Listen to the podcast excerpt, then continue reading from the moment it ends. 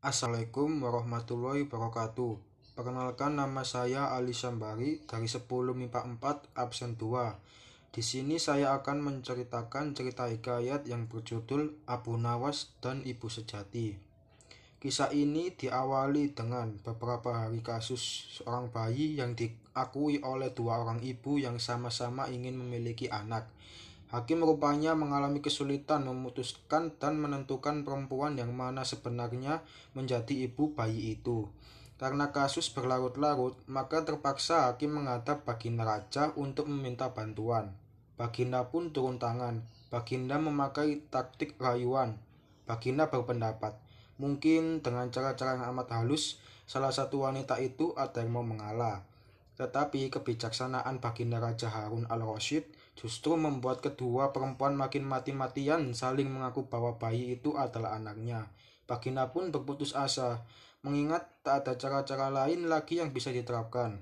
Baginda pun akhirnya memanggil Abu Nawas. Abu Nawas hadir menggantikan hakim.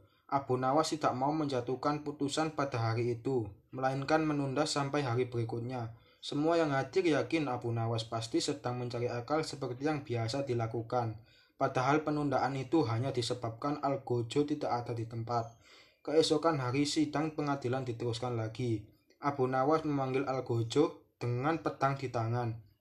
Abu Nawas memerintahkan agar bayi itu diletakkan di atas meja.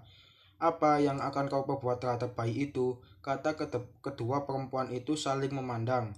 Kemudian Abu Nawas melanjutkan dialog. Sebelum saya mengambil tindakan apakah salah satu dari kalian bersedia mengalah dan menyerahkan bayi itu kepada yang mem memang berhak memilikinya? Tidak, bayi itu adalah anakku, kata kedua perempuan itu serentak.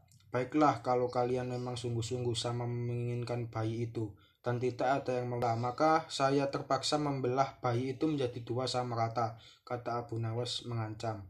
Perempuan Pertama girang bukan kepala, sedangkan perempuan kedua menjerit-jerit istris. Jangan, tolong jangan dibelah bayi itu. Biarlah aku rela bayi itu seutuhnya diserahkan kepada perempuan itu, kata perempuan kedua. Abu Nawas tersenyum lega. Sekarang topeng mereka sudah terbuka. Abu Nawas segera mengambil bayi itu dan langsung menyerahkan kepada perempuan kedua. Abu Nawas minta agar perempuan pertama dihukum sesuai dengan perbuatannya, karena tak ada ibu yang tega menyaksikan anaknya disembelih, apalagi di depan mata. Baginda Raja merasa puas terhadap keputusan Abu Nawas dan sebagai rasa terima kasih, Baginda menawari Abu Nawas menjadi penasihat hakim kerajaan. Tetapi Abu Nawas menolak. Ia lebih senang menjadi rakyat biasa.